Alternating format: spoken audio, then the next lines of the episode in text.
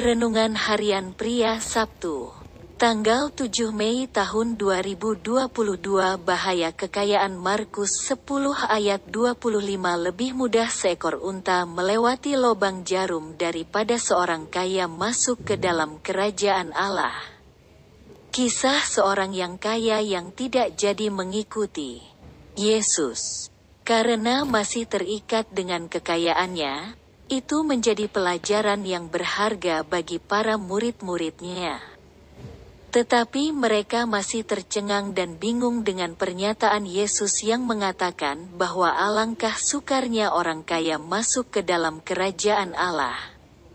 Lebih mudah seekor unta melewati lubang jarum daripada seorang kaya masuk ke dalam kerajaan Allah. Lobang jarum di sini bukan lobang jarum benang.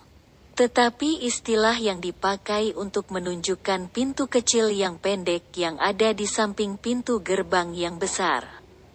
Unta yang badannya tinggi dapat menundukkan badannya yang membuat unta itu dapat melewati pintu kecil dan pendek itu. Apakah Yesus tidak ingin anak-anaknya mendapatkan kekayaan dalam kehidupan mereka? Yesus sangat ingin anak-anaknya mendapatkan kekayaan dalam dunia ini. Tetapi Yesus memperingatkan bahwa kekayaan itu bisa menjadi sesuatu yang dapat menghalangi anak-anaknya hidup dalam rencana dan kehendaknya. Yang harus selalu kita ingat mengenai kekayaan adalah pertama, itu adalah anugerah Tuhan yang Tuhan titipkan kepada kita. Jadi kekayaan itu bukan kita yang punya, tetapi Tuhan yang punya.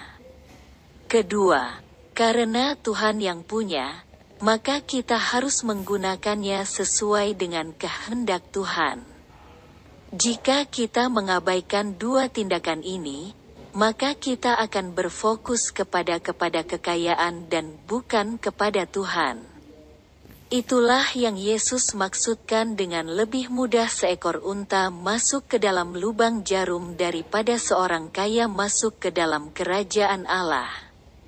Refleksi diri, apa yang firman Tuhan katakan kepada Anda?